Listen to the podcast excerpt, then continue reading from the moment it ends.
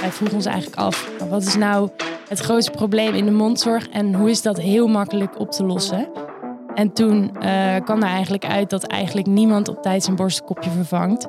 Wat best wel nare gevolgen kan hebben voor uh, niet alleen je mondzorg, maar ook je gezondheid. En uh, dat is eigenlijk heel makkelijk op te lossen. Want als je zorgt dat iemand elke drie maanden in ieder geval een vers borstkopje thuis krijgt gestuurd. En dat het moment is dat ze hem moeten vervangen ja, dan heb je dat probleem in ieder geval opgelost. Je luistert naar Kim Hiemstra, CMO bij Boombrush. Een webshop waar je een elektrische tandenborstel kunt kopen en de bijbehorende opzetstukjes als abonnement kunt afnemen. Het onderwerp van deze aflevering is daarom toepasselijk het abonnementsmodel. En vooral ook wat dat behelst. Mijn naam is Mohammed en samen met mijn co-host Thomas maken wij deze podcast om jou te voorzien van inzichten waarmee je betere beslissingen kunt maken in jouw reis naar die 20 miljoen jaar omzet. Kim deelt straks haar ervaringen en vooral ook het succesverhaal van Boombrush, dat inmiddels een loyale klantenbasis heeft van 35.000 abonnees. Daarmee bewijst Boombrush ook mooi dat het model werkt. Maar zoals bij elk model zijn er kansen en ook uitdagingen waar we het ook over gaan hebben. Dus wil je ontdekken hoe abonnementen jouw webshop naar een hoger niveau kunnen tillen? Blijf dan vooral luisteren. Wij zijn Framework, het e-commerce bureau waarmee webshops van 1 naar 20 miljoen jaar omzet groeien. Wil je weten hoe? Check dan onze website www.framework.nl. Dat is frmvrk.nl. En dan nu de podcast. Dit is Op Weg naar 20 miljoen, de e-commerce podcast van Framework, waarin je leert de juiste e-commerce beslissingen te nemen in jouw online groei. Kim, welkom in de studio. Dankjewel. Alles goed vandaag? Ja, zeker. We gaan met jou hebben over Boombrush.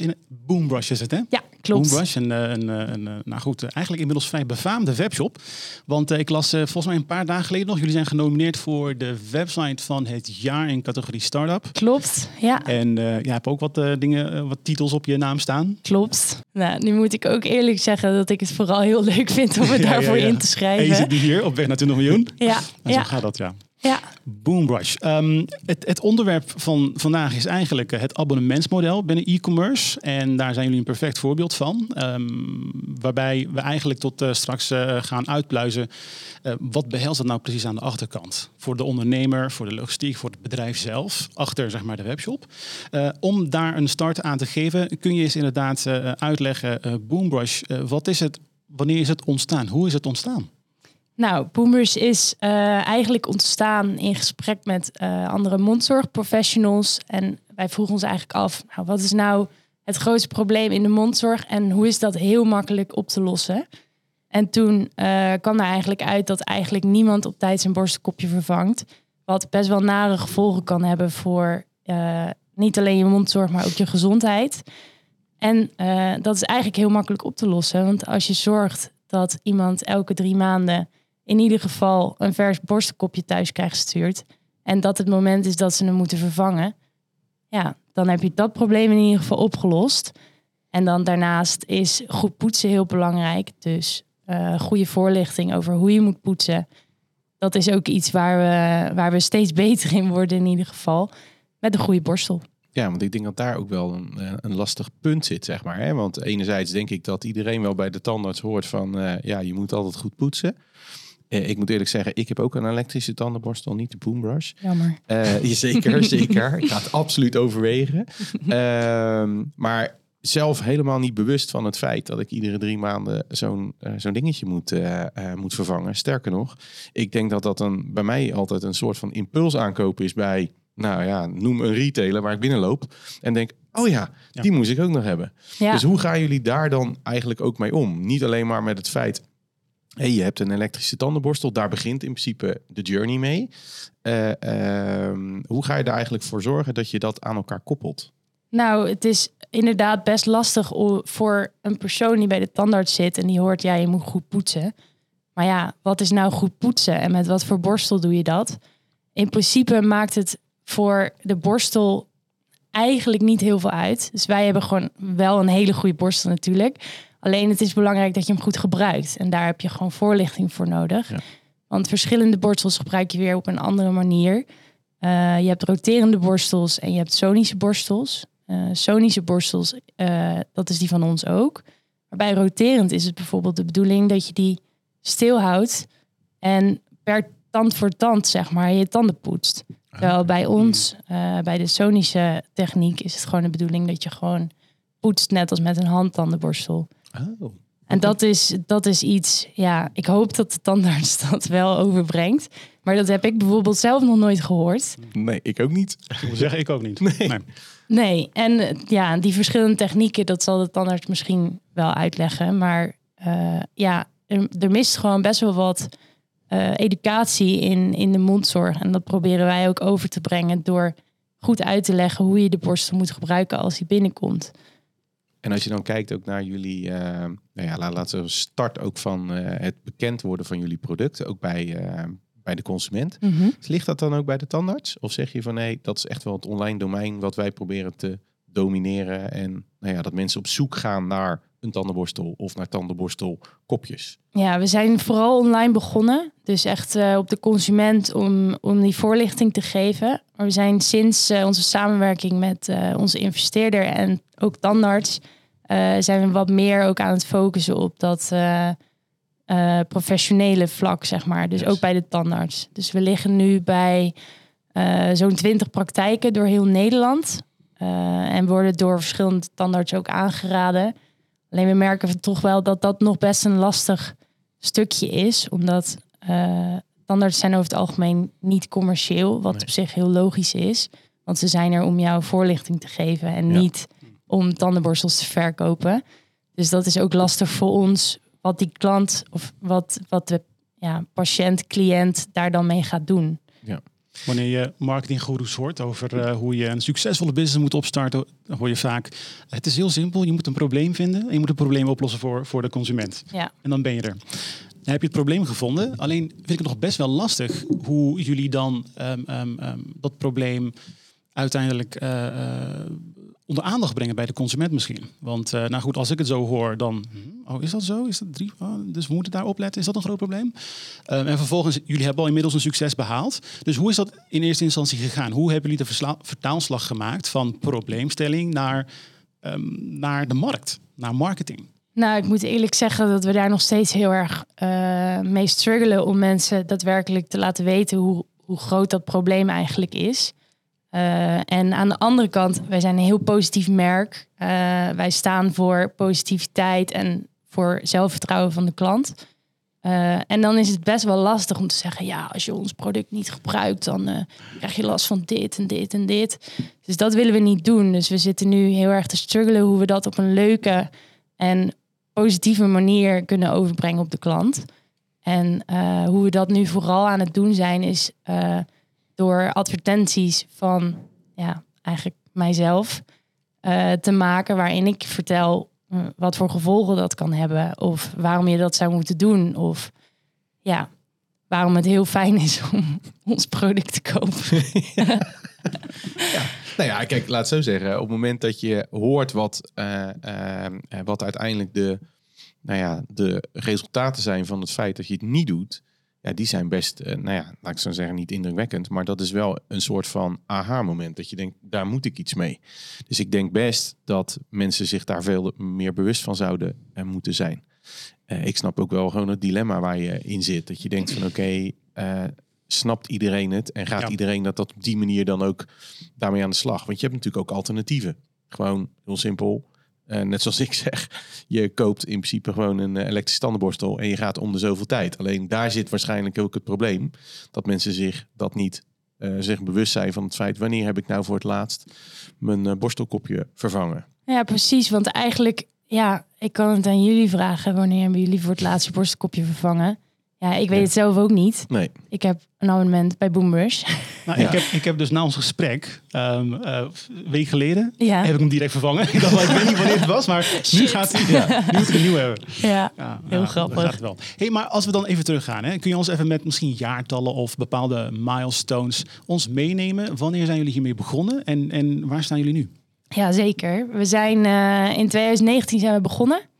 Eh, eind 2019, dus ja, eigenlijk begin 2020. Perfecte timing ook Ja. met corona. Vlak voor corona inderdaad. Toen zijn we live gegaan. En eh, ja, eigenlijk aan het begin waren we nog een beetje aan het struggelen van... hey, hoe breng je dat product nou in de markt? Toen ehm, hadden we een beetje gevonden hoe we dat konden doen. We begonnen met gewoon ja, CA en eh, meta advertising. Facebook advertising heette het toen nog. En eh, toen hadden we opeens tractie. En eh, nou, toen kwam corona. Toen hadden we nog meer tractie. Want mensen konden niet meer hun producten in de winkels kopen, maar alleen online. Eh, daar merkten we echt een enorme uplift. Toen eh, hadden we even wat logistieke probleempjes. Want ja, met corona waren er ook wat, ja, wat ja, logistieke problemen Ja. in de havens. En gewoon ja. hadden we, zaten we even zonder voorraad. En ja, dat kan gebeuren. Maar ja, toen gingen we weer verder. In januari hadden wij eh, opnames van Dragon's Den. En eh, daar eh, hebben wij ontzettend, ontzettend veel geluk mee gehad dat wij mochten deelnemen aan het programma. Want naast een hele fijne gesprekken met de investeerders hebben we daar ook gewoon heel veel publiciteit uit gehaald. En eh, ja, vanaf toen zijn we eigenlijk heel erg hard gegroeid en hebben we onze processen geoptimaliseerd. Aan het begin eh, hebben we onze eigen website gebouwd, bijvoorbeeld. En ehm, wat dat met zich meebrengt is heel veel flexibiliteit. Dus de dingen die je bedenkt, die kan je eigenlijk gelijk uitvoeren. Maar daarnaast is het ook heel erg vervelend omdat je die dingen die je bedenkt vaak niet zelf kan uitvoeren, maar moet laten uitvoeren door een developer die we op dat moment wel in house hadden. Alleen ja, dat remt gewoon best wel je processen en zorgt er ook voor dat als je weinig abonnementen hebt, dat het op zich nog wel prima gaat. Maar als het Ja. groter wordt, dat er gewoon steeds meer dingen fout gaan. En eh, daarom hebben we begin dit jaar eh, eh, geïnvesteerd in een nieuw platform.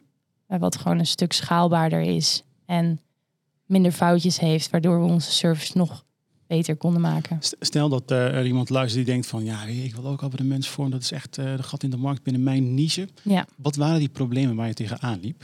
Nou, vooral ehm, ten eerste logistiek. Eh, het moet schaalbaar zijn. En hoe wij het hadden bedacht was dat we pre-packed ehm, de borstenkopjes alvast in verpakkingjes deden, zodat onze verzendpartij dat vrij snel kon versturen. Oh ja, trouwens, wij hebben dus eerst eh, wel eventjes onze verzending zelf gedaan, maar daar zijn we vrij snel mee gestopt. Ja. Dat was toch best wel pittig. Ehm, maar goed, ehm, ja, een andere uitdaging was ehm, dat, dat eh, die zendingen, als je die iedere dag doet en die borstenkopjes verstuurt, dan, dan mis je een ritme. Dus we hebben vrij snel besloten om dat eh, twee wekelijks te gaan versturen in plaats van iedere dag, zodat we mm, grotere batches konden versturen en zo meer schaalvoordeel konden halen. Dus eigenlijk wat je zegt is, normaal gesproken, je geeft aan welk ritme je graag zou, eh, zou willen hebben voor je borstelkopjes. Ja. Normaal gesproken zou het zo zijn, op het moment dat je dat aangeeft, vanaf dat moment gaat dat termijn lopen, zeg maar. Ja. Maar jullie hebben gewoon gezegd, we hebben eens in de twee weken gaan al die borstelkopjes mee die rondom die periode verstuurd zouden moeten worden. Klopt, ja, we hadden eerst hadden we dat dus iedere dag. Ja, En eh, toen zijn we overgegaan op alleen op de eerste en de vijftiende versturen. Nu inmiddels hebben we dat proces nog verder geoptimaliseerd, waardoor we iedere woensdag versturen. Mhm. Dus dat is eh, vier eh, of iedere, iedere week, zeg maar. Ja. Ja. En ja, dat maakt het gewoon nog beter, omdat je dan precies kan vertellen tegen de klant ook wanneer het pakketje aankomt. Ja. Want waar we heel erg tegenaan liepen was de eerste of de vijftiende viel soms in het weekend. Waardoor je dan het pakketje niet kon versturen. En mensen vonden het lastig wanneer het dan binnen zou komen. En dat soort dingen. Want kreeg je daar dan ook heel veel vragen over? Want ik kan, me juist, ik kan me juist voorstellen, je komt uit de situatie waarvan je eigenlijk helemaal niet weet dat je een borstelkopje krijgt. Ja, Nu kom je in een abonnement en dan laat zo zeggen dat je dan zo voor je gevoel zo strikt op die datum zit, zeg maar. Dat je denkt, oh, dan moet ik hem ook echt hebben. Ja we, hebben, we hebben verschillende klanten. Mensen die eigenlijk er niet naar kijken en denken... oh, het is er, ik Ja. vervang het en eh that's it. Maar we hebben ook klanten inderdaad die denken... oké, op de eerste zou ik mijn borstenkopje krijgen. Ja. Dus waar is hij? Ja, juist. Ja, juist. Die zijn er heel strikt mee, Ja, eh, mee zeker. bezig. Is, is Ja. dat de enthousiasme of is dat, is dat, ehm, is dat eh, nou goed, het principe van, joh, ik wil het bezorgd krijgen. Is dat zeg maar consument? Wat voor gedrag is dat? Ja, ik, dat? ik weet het niet precies. Ik denk, kijk, ons borstenkopje, eh, het kost 6 euro per zending. Ehm, dan zou je denken, dat is op zich niet echt een grote uitgave, maar die aannames kunnen we niet maken natuurlijk. Dus ik denk dat er ook gewoon best wel mensen mee bezig zijn van hé, hey, ik heb betaald voor dit product, waar is het dan? Want uh, dat zijn ook nog dingen die daarbij komen. Als je met automatisch incasso werkt, heb je een eerdere afschrijving voordat het verwerkt is. Omdat het iets van drie, vier dagen duurt als je met uh, Ideal afschrijft.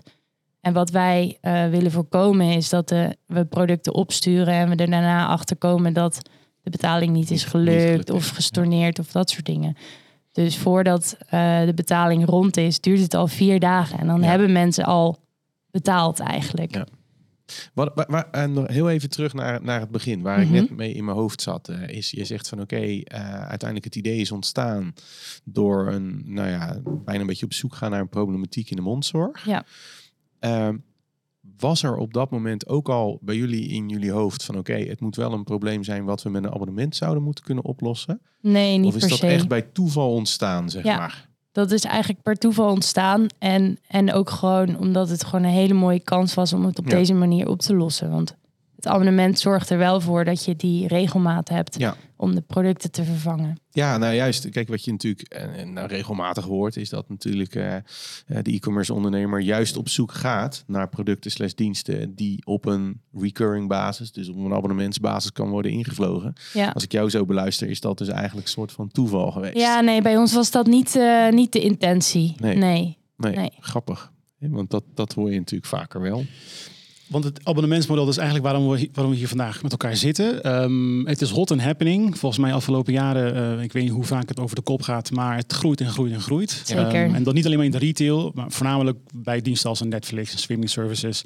Jij noemde net, Thomas, in ons eh, voorgesprek al, ook eigenlijk de energierekening. dat nee, is een abonnement. nog, ik, ik, ter- voorbereiding op, eh, op deze podcast heb ik ook eventjes, ben ik eventjes in wat, eh, wat cijfertjes gedoken. En ik kwam een abonnementsonderzoek tegen van de Nibud. Ja. 2021, eh, dat wel twee jaar geleden, maar goed. Eh, en op dat moment verbaasde me het wel over hoeveel abonnementen wij als Nederlanders eigenlijk hebben. Hebben jullie daar een idee bij? Hoeveel abonnementen we eigenlijk hebben? Gemiddeld gezien. Ik heb eerlijk gezegd geen idee, maar ik denk wel meer dan tien. Ja, dat klopt. Het zijn er, het zijn er gemiddeld 14. Ja. En, en ik dacht ook bij mezelf van ja, zijn dat dan... Maar nee, het is even natuurlijk te maken inderdaad met de energierekening, met je eh, internetabonnement, Internet, ja. je mobiel. Dus dat gaat al heel erg snel. Dus wij zijn eigenlijk ook als consument wel heel erg al, nou ja, zeg maar abonnement-minded, zeg maar. En het grappige is, dat las ik ook in het, eh, in het document, van wat zijn nou eigenlijk de redenen waarom je uiteindelijk voor een abonnement zou willen kiezen als consument? En daar is eigenlijk de belangrijkste reden is gemak. Ja. Eh, 35% geeft dat aan. Eh, in ieder geval onder de respondenten. Dus dan trekken ze dat door natuurlijk naar, eh, eh, naar, de, naar de consument. Mhm. En het voordeliger dan losse aankopen. En dan le- leg ik even een linkje richting jullie, zeg maar. Is dat bij jullie ook zo? Dus op het moment dat je uiteindelijk voor kiest voor jullie eh, eh, manier van eh, nou ja, vervangen van je borstelkop, is dat dan ook voordeliger ten opzichte van bijvoorbeeld je, je concurrenten die, die in de markt zijn? Nou, wat het is, er is wel een verschil in in bulk kopen en Mhm. per stuk kopen natuurlijk. Per stuk zijn wij inderdaad voordeliger. Eh, en dan helemaal omdat wij voor de prijs inclusief ook het borsteltje naar jou thuis verzenden. Alleen als je in bulk koopt bij eh, een drogist of iets dergelijks, ja, dan ben je wel goedkoper uit. Ja. Ja. Dat valt mij op zich ook al op. Hè. Nou ben ik niet een fervent borstelkopkoper. Dat hebben we net al verteld. En ook geen eh, elektrische tandenborstel. Maar je ziet wel heel vaak dat dit soort type producten ook met enorme kortingen bij die, eh, nou ja, die prijsknallers, zoals de kruidvat, wordt neergezet. Dus dan staat er een, nou ja, een, een, een, een, eh, elektrische tandenborstel voor je gevoel voor, eh, voor de helft van de prijs of voor 30% van de prijs. Merken jullie dat ook, zeg maar, dat daar ook wel echt die concurrentie zit? Of zeggen jullie van nou, want jullie hebben een vaste prijs, waarbij wel, want kan je hem ook kopen zonder abonnement? Dat, Ja. dat, dat kan ook. Ja, Ja, ja. je kan hem ook gewoon kopen zonder abonnement. Eh, wij bieden wel een korting voor de mensen die met abonnement kopen van 10 euro. Ja. Ehm, ja, ook om dat te stimuleren natuurlijk. Ja, juist.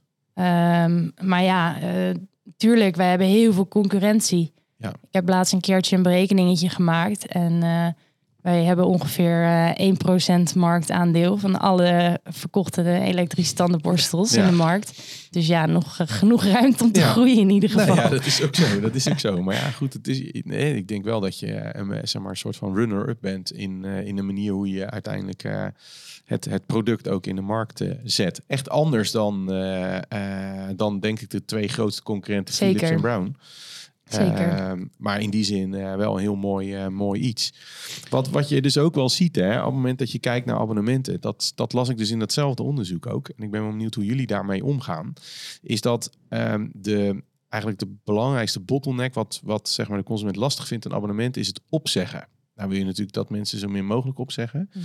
Maar dat is eigenlijk wel iets wat ze soort van een beetje in de weg zit. Hoe is dat bij jullie geregeld? Is dat eh, met een eh, één druk op de knop? Of zit dat eh, net zoals bij heel veel telecomproviders? dat je moet bellen en dan eh, je klantnummer moet zoeken en weet je, dat soort zaken. Nee, zeker niet. Nee, het is voor ons, de, ja, de service die wij leveren is gewoon puur voor de klant. Dus wij bieden, ja, het is bij ons ook heel makkelijk om het op te zeggen. Dus als je denkt van, oh, ik heb te veel kopjes of eh, het komt me te vaak, dan eh, kan je het pauzeren, opzeggen, je, je borstelkopjes verplaatsen. Je kan eigenlijk alles bij ons, omdat ja, wij bieden gewoon die service voor hen. Het is, eh, eigenlijk is het voor ons ook voordeliger als ze in bulk kopen, maar ja, dat is, dat is totaal niet ons business idee. En dan Ja. lossen we dat probleem niet op. Dus dat is, ja nee, we bieden gewoon die service voor de klant. Wat ik wel zie zeg maar, bij dat abonnementsmodel is eh, um, eigenlijk drie pijlers. Enerzijds, er is een enorme technologische ontwikkeling geweest in de afgelopen jaren, waardoor dit soort dingen mogelijk zijn. Neem bijvoorbeeld het platform, dat kan Mhm. nu steeds makkelijker. Ja. Ehm, anderzijds consumentsgedrag, daar wil ik straks op komen, want inderdaad, jullie spelen daar op een bijzondere manier op in. Klantenservice staat eh, hoog eh, in het vaandel bij Zeker. jullie. En een derde is ook, ehm, eh, het is een nieuwe omzetstroom. Het is een aantrekkelijke omzetstroom voor de, voor de ondernemer. Je kunt eh, je marges kun je, heb je, je kunt betere marges kun je regelen. Je weet dat er altijd komt, is recurring. Ehm, dus, dus daarmee zie je inderdaad wel dat heel veel bedrijven en ook consumenten richting zo'n abonnementsmodel groeien. Alleen blijven er natuurlijk wel haken en ogen aan. En daar ben ik ook vooral naar benieuwd. Een van die punten, hè, als het gaat om dat stukje consumentengedrag, is ehm, dat inderdaad eh, de consument andere dingen wil nu. Ze zijn bereid om een stukje meer te betalen voor gemak. Eh, ze zijn bereid om, hè, je hebt nu ook abonnementsauto's, Link Co, volgens mij Ja. bijvoorbeeld dat soort, Ja. dat soort eh, verhalen. Ehm, hoe spelen jullie daarop in? Want het is niet enkel inderdaad het verschuiven van dozen. We kopen het in, we geven het aan jou, maar meer dan dat. Hoe, wat, wat doen jullie meer dan alleen maar het product? Nou ja, wij ehm, zorgen er natuurlijk voor dat mensen niet vergeten hun borstelkopje op tijd te vervangen. En daarnaast halen we weg dat eh, mensen naar de drogist gaan. En zometeen later gaan we ook nog meer producten toevoegen. Maar als je voor het schap staat met de mondzorgproducten, dan heb je ongeveer keuze uit. Nou, ik denk wel honderd soorten. Welke kies je nou? Welke is het beste? Welke werkt goed voor jou? Je hebt geen idee. Dus daar halen we ook nog ehm, zorgen we voor wat extra gemak, omdat wij gewoon alleen maar goede producten samen met onze tandartsen ontwikkelen. En daarmee gewoon ja, daadwerkelijk een goed product leveren waar je niet over na hoeft te denken.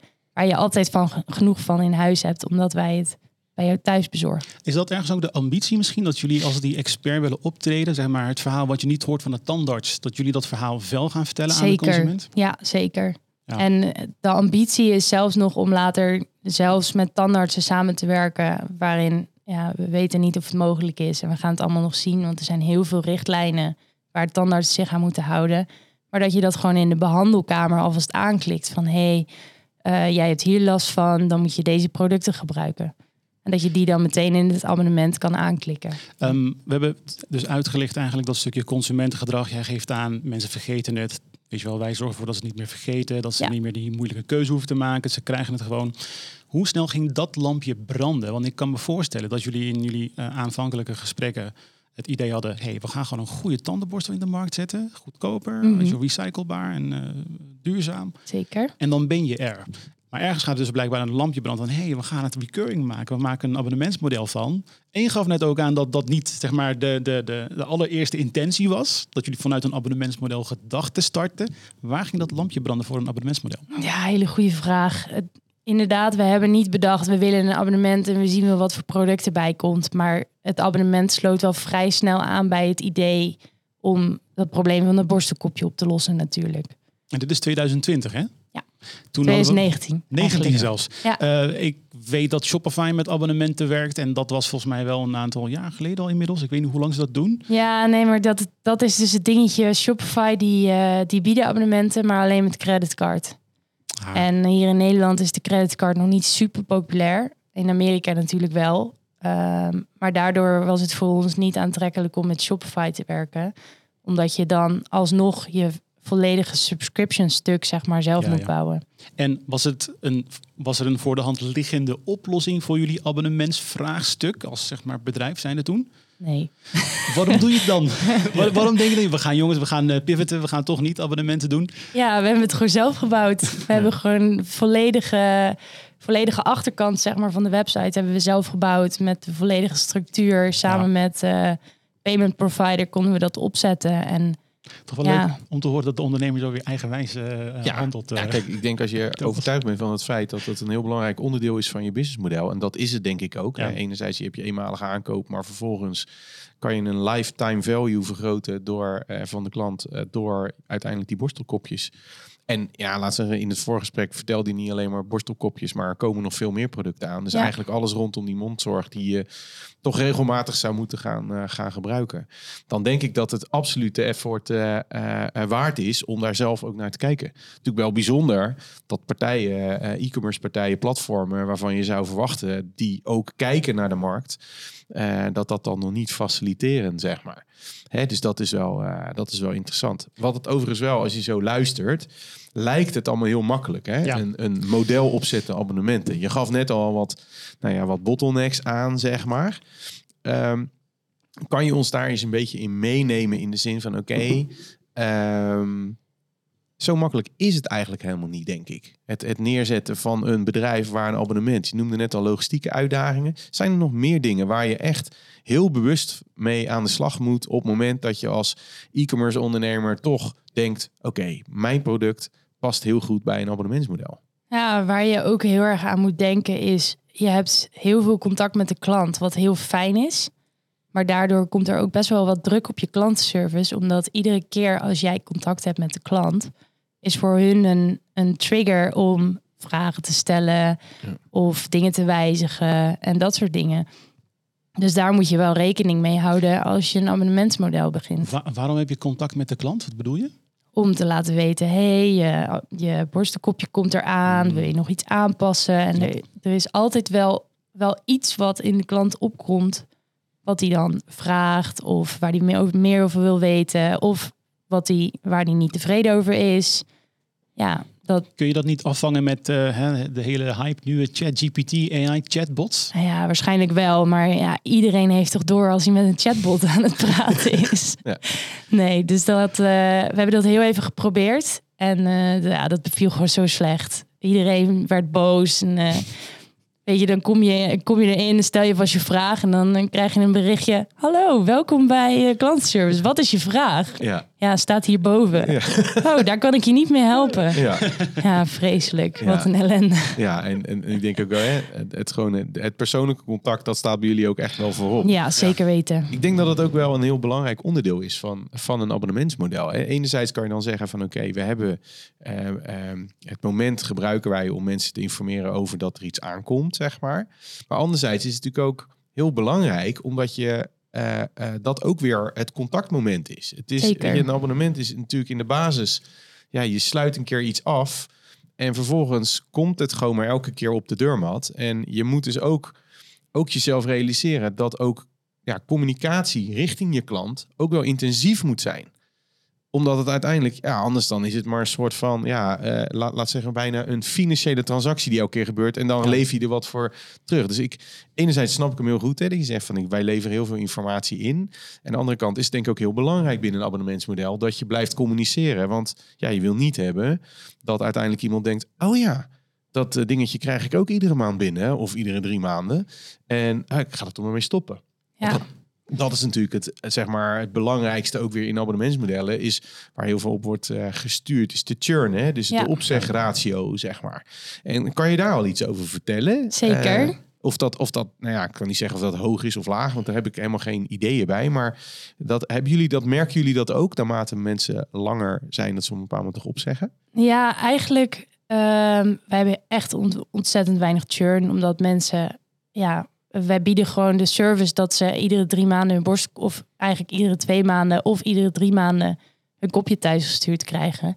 En ze gebruiken dat product iedere dag. Ja. Ja. Ze hebben zelf ook door van, oké, ja, ik moet dat wel dan echt vervangen als het binnenkomt. Juist. Dus we merken eigenlijk de mensen die netjes gewoon hun borstkopje vervangen, dat dat gewoon goed gaat. Juist. Maar daarnaast hebben wij eh, op dit moment een, eh, een churn van 0,8% per 0,8? maand. Nou ja. Dat is minder dan 10% per jaar. Dus ja, daar kan je een, eh, een, eh, een lifetime eh, cycle opzetten van dus meer dan 10 jaar. Ja. Nou, dat vinden we nog een beetje spannend aangezien we vier jaar bestaan. Maar ja, het- onze klant blijft wel gebruik maken van het gemak wat wij ze bieden. Ja. Maar dat is alleen op het moment dat je echt daadwerkelijk die service biedt.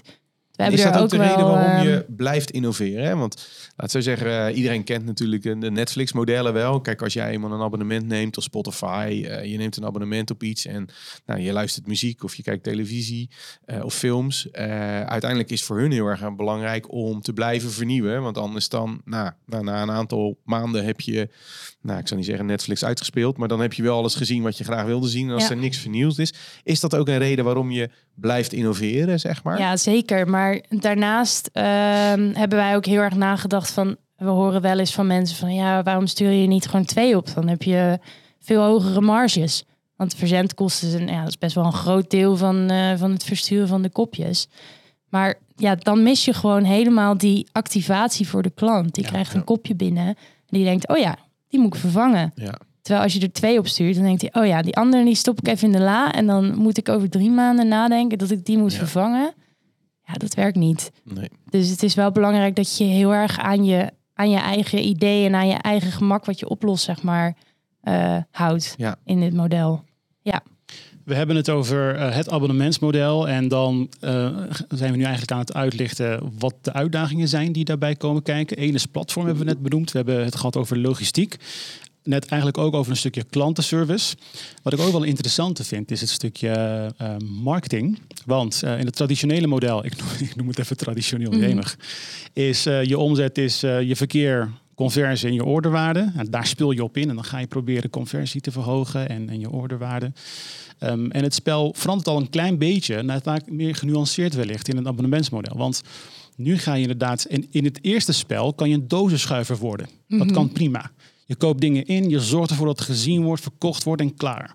Maar nu ga je natuurlijk niet meer dozen verschuiven. Je gaat een band opbouwen, je gaat loyaliteit opbouwen. Branding staat veel hoger in de vaandel dan eh, eh, nou, de gemiddelde andere webshop. Hoe zie jij het marketingspel anders dan wellicht traditionele e-commerce? Of vind jij, misschien vind je dat het hetzelfde is? Nou, het lijkt wel veel op elkaar, ehm, omdat, omdat wij en een korting bieden voor de mensen die een abonnement afsluiten en omdat de service gewoon best wel gemakkelijk is. Sluit bij ons meer dan 80% van de mensen die een borstel koopt ook daarbij een abonnement af. Ehm, dus dat maakt voor ons het traditionele spel eigenlijk, ja, dat past gewoon best wel goed bij ons wat dat betreft. Omdat eh, allereerst is de tandenborstel voor ons gewoon de ingang tot het abonnement eh, met de klant. En ja, daarna begint het spel pas van de goede service leveren. Zorgen dat je goed contact hebt, maar niet te veel. Mensen, dat is de laatste tijd een ding bij ons. We geven heel veel informatie over hoe je het beste kan poetsen. Hoe dat werkt met je abonnement. En we horen best wel vaak dat mensen zeggen... ja, waarom krijg ik jou drie mails in een week over, over deze tandenborstel? Ja. kan, kan toch gewoon tanden poetsen? Ja. Dus dat is ook nog iets waar, eh, waar wij in ieder geval mee struggelen. Wat ook nog best lastig is eh, bij het abonnementsmodel. Dat je niet te aanwezig bent.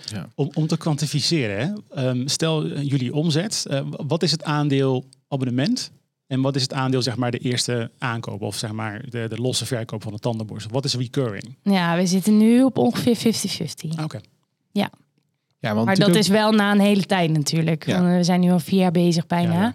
Ehm, dus ja, wel een mooie mijlpaal dat we hier nu Zeker. op zitten. Nee, absoluut. absoluut. Wat, ik, wat ik op zich ook eh, wel aardig vind om te belichten. Jij noemde net over marketing. Mark, de marketing spend is denk ik in mijn ogen wel toch een klein beetje anders dan gewoon eigenlijk, nou ja, je noemde het traditioneel verkopen. Eh, want in de basis zou je eh, ervoor kunnen kiezen om ja, je kost per acquisition wat hoger te leggen omdat je met recurring zit. Dus met andere woorden, normaal gesproken zou je zeggen... ik wil mijn geld gelijk verdienen op de verkoop van mijn tandenborstel. Maar gezien het feit dat je wellicht een lifetime value van 10 jaar hebt... laten we uitgaan dat het gewoon tot je eh, oneindig lang is. Maar Mhm. weet je, je, je kan er nu van 10 jaar uitgaan. Dan betekent dus dat je ook daarmee kan gaan rekenen... wat iemand mag kosten om iemand binnen te halen. Is dat ook iets waar jullie heel erg mee bezig zijn? Ik hoorde het heel grappig al, want je noemde het Dragon's Den. En eh, eh, volgens mij Pieter Schoen, die riep het gelijk. Die zei Ja. van, oh, dit is wel... nou, in ieder geval een hele mooie eh, business case waarin dit goed is geregeld. Klopt, ja. Wij hebben het eigenlijk nog steeds precies hetzelfde geregeld als, eh, als toen. Dus we maken een heel klein beetje winst op de eerste aankoop. Maar dat is voor ons prima inderdaad, want we hebben het abonnement wat we erbij afsluiten. Juist. Dus ja, we zijn daar wel steeds meer mee gaan rekenen, want we willen natuurlijk ook heel graag wat meer groeien nog in abonnementen. Dus we zitten nu te kijken hoe we dat kunnen oplossen met die lifetime value berekening. Eh, of we dan eventueel wat meer marketing kunnen besteden per eh, verkochte borstel. Maar daar zijn we nu nog mee bezig. Ja. Wat ik, ook wel een interessant verschil vind is, zeg maar, we waren gisteren op bezoek bij een, eh, bij een, bij een ondernemer. Grote warehouse, productielijn, ziet er goed uit. eh tikte 10 miljoen omzet aan. En hij geeft aan dat hij recent, en dat is dan misschien weet je wel 1, 2 jaar geleden, begonnen is met eigen merk. Ja. Je wel, dus daarvoor weet je wel, eh, eh, nou goed, goede producten op de markt zetten, op de goede plekken aanwezig zijn, goede marketing, eigen merk. En je ziet vaak dat het ergens begint en eigen merk op den duur ehm, meer aandacht krijgt. Bij jullie is het, hoe- hoeveel SKU's hebben jullie? Goeie vraag. hebben jullie Ehm, honderden producten op de Oh op de nee, shop? zeker niet. Nee, nee, nee, zeker niet. Ik denk ehm, ja, in totaal een stuk of 40. Want ja, er zitten ook verpakkingen en flyers. Ja, ja. Die hebben ook allemaal een SKU. Ja, zoiets. Maar we hebben niet heel veel producten. Ja, precies. Dus het is heel interessant, want jullie beginnen gewoon, dat is, jullie beginnen met een eigen merk. Jullie Ja. hebben ook alleen maar eigen merk. Dus dan is dat stukje branding natuurlijk, eh, ja, daar kijken jullie heel anders tegenaan.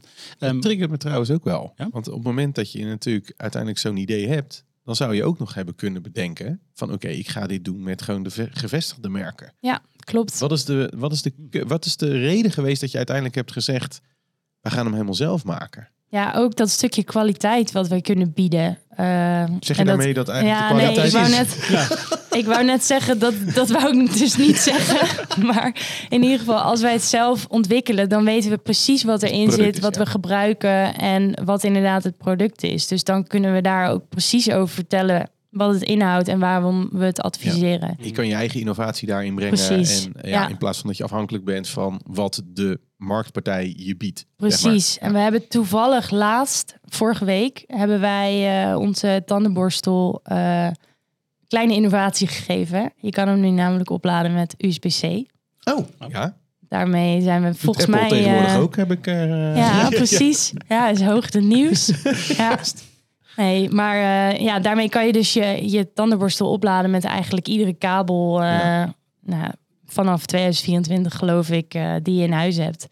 En eh, ja, dat soort dingen kunnen wij nu wel innoveren omdat het ons eigen product is. Juist. Want dat is ook nog iets unieks, hè? Want je, je noemde het net al in eh, een beetje in de intro, dat het, wat zeg ik goed, 90 dagen lang je Klopt. uiteindelijk, ja. Ja. Dus je laat hem op, 90 dagen lang hoef je er eigenlijk niet naar om te kijken, Klopt. zeg maar. Ja, Want wat, wat is daar, wat is daar anders aan dan bij, eh, nou ja, mijn eh, klassieke tandenborstel die ik voor mijn gevoel iedere dag. week wel moet opladen? ja maar Maar dat is ook. anders? Dat is ook zo. Ja, er zit gewoon een betere accu in. Ja, ja. Maar juist omdat je hem niet iedere dag of iedere week hoeft op te laden, gaat de accu langer mee. Omdat eh, jullie weten dat waarschijnlijk wel. Als je een accu vaak oplaadt en als hij nog niet helemaal leeg is, gaat opladen, ja, dan, dan gaat je accu gewoon heel snel achteruit. En juist Ja. omdat onze accu zo goed is, blijft de levensduur van de accu ook beter.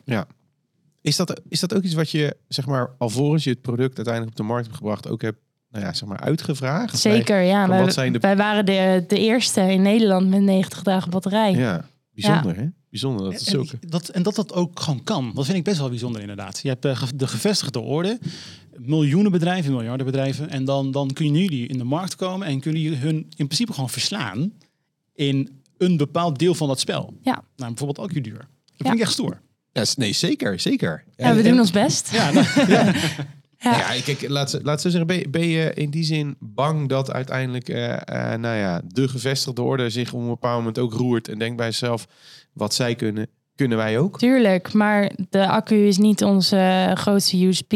Dat is gewoon het abonnement wat we bieden en Maar het gemak wat wij ook bieden. kunnen, denk ik. Toch? Of zeg jij van, nou, dat wordt voor hun toch wel een stuk lastiger omdat ze anders georganiseerd zijn? Ja, zeker. Het, is, het ding van die grote bedrijven is dat zij, nou, ik weet niet precies hoeveel, maar ik denk zeker meer dan de helft aan retail doen. Nou ja, Ehm, en daardoor is het voor hun gewoon een stuk lastiger om een, een echt consumentenproduct te hebben. Ja. En die service te bieden die wij kunnen bieden, aangezien wij nou ja, daar toch heel erg veel op gericht zijn. Ja. Terwijl Philips of Oral-B eigenlijk meer gericht zijn op ja, productverkoop. ja, en dan voornamelijk via de, nou ja, de outlets, de retail, zeg maar. Ja, en nog een ander groot verschil ehm, met ons verhaal, eh, in tegenstelling tot dat van hun, is dat zij innoveren op dingen die je ja, toch niet echt gebruikt, zoals Bluetooth apps en oplaadglazen en dat soort dingen. En wij zorgen gewoon dat ons product goed is Ja. en handige USP's heeft die het daadwerkelijk, waar je daadwerkelijk Ja. wat aan hebt. Nou, ik moet eerlijk zeggen dat ik me daar ook wel eens over verbaasd heb hoor. Dat ik dacht van, je krijgt een app bij je tandenborstel. Ja. Toen dacht ik bij mezelf, wat moet Wat ik moet je daar ermee? nou mee? Dan moet ik die telefoon er ook nog bij gaan houden. Ja, maar dat is. Ja, er zijn vast mensen die het heel fijn vinden. Maar Ja. het, het voegt gewoon niet zo heel veel toe aan je. aan Ja, het primaire aan het behoefte resultaat. van eh, Ja. tanden, tandenpoetsen. ja. Die branding, hè, daar wil ik, wil ik nog even op terugkomen. Want ik zou eigenlijk van jou gewoon een, een, een... Het is op weg naar 20 miljoen. Waarin je leert de juiste beslissingen te nemen. Want dat Ja. is het in principe. Je gaat luisteren. Oh, ze hebben het zo gedaan, dan kan ik het zo doen. Ja. Ehm, jullie beginnen vanaf dag nul met branding. Ehm, vind ik ook, ook bijvoorbeeld heel leuk om te noemen dat het stukje PR ook eh, heel goed op toeren is. Eh, on- onlangs in Duitsland volgens mij, Consumentenbond nummer 1 in, wat was het ook alweer? ja, het was. eh, het heet de Stiftung Warentest in Duitsland, een soort consumentenbond. En we hebben inderdaad als beste gescoord op poetsresultaat. Is, Dus van, is, eh, is van, dit iets eh, wat jullie, wat jullie zeg maar actief proberen te doen? Dat jullie in die lijstjes terechtkomen, prijzen, awards en Nou, prijzen en awards ben ik inderdaad wel actief mee bezig. Maar dit is, eh, dit is gewoon gebeurd. oh, wat gaaf. Ja, hebben we ontzettend veel geluk mee gehad. En op een gegeven moment kreeg ik een mailtje van, eh, van de Stiftung Warentest. En die zeiden, ja, wij zouden wel heel graag jullie tandenborsten willen testen. Nou, ik, ik ben het eigenlijk een klein beetje met je oneens, want zo heel erg geluk vind ik het ook niet hoor. Het is niet dat het zomaar uit de lucht komt vallen. Jullie zijn er gewoon op deze manier, manier mee bezig. Ja, Dat is een stukje branding. Je wordt Zeker. overal gehoord, je staat in de, in de spotlight en dan gaan mensen je zien. is ook zo. Maar het is niet, het is niet per se iets waar je heel erg actief eh, invloed op hebt. Wanneer is dit, dus stel hè, die e-commerce ondernemer die, die meeluistert, wat, wat zou je kunnen meegeven? Misschien met een stukje context, maar wat zou je kunnen meegeven? Wanneer moeten mensen op, met, met branding aan de slag gaan? Of op welke manier naar branding kijken? Ja, vind ik heel lastig. Want wij zijn, eh, wij zijn begonnen met eh, een branding. En die hebben we toevallig begin dit jaar eh, een beetje omgegooid. Mhm. En daarmee wil ik dus eigenlijk zeggen, hetgene wat je misschien aan het begin bedenkt, is misschien niet hetgene waar je uiteindelijk helemaal lekker op vaart. En dat is oké? En dat is oké. Ja. ja. Want ja, eigenlijk ons model is niet veranderd. Alleen we zijn ons veel meer gaan richten op het leuker en makkelijker en positiever maken van uiteindelijk je mondverzorging. En dat is iets wat in onze vorige branding toch ietsjes lastiger naar voren kwam, vonden wij. Ehm, en daarnaast onderscheiden we ons nu meer omdat we ja, veel minder op specificaties en veel meer op het resultaat en op het gemak zitten. Ja. En ja, dat is wel heel belangrijk om dat ehm, ja, goed voor jezelf vast te stellen wat je daarin wil communiceren aan de klant. Tussendoor, eh hey, we zijn al bijna een uur aan het praten. Oh, dat meen je niet. 50 minuten. Ik eh, zit midden in mijn vragen. Ja, ik wou zeggen, ik heb ook We, mo- ik, we moeten het een beetje. Oh, ik heb geen idee hoe we zeg maar, nu mooi gaan t- transitioneren naar het eind, naar de afronding. Ja, ik, Maar- wat, ik, wat ik op zich nog wel interessant om nog heel even te, be- eh, Ja, ja, te ja. bespreken is met name ook het deel eh, rondom jullie duurzaamheidsstuk. Ja. Hè, want daar zijn jullie natuurlijk ook echt wel uniek in. Fijn dat je dat nog even noemt. Ja, precies. Ja, ja maar dat, dat is voor het wel zo. Ja, Weet Ja. je? Want, en, en dan ben ik eigenlijk voornamelijk benieuwd naar het feit van... oké, duurzaamheid is een hot topic. Mensen maken daar uiteindelijk ook keuzes in, zeg maar.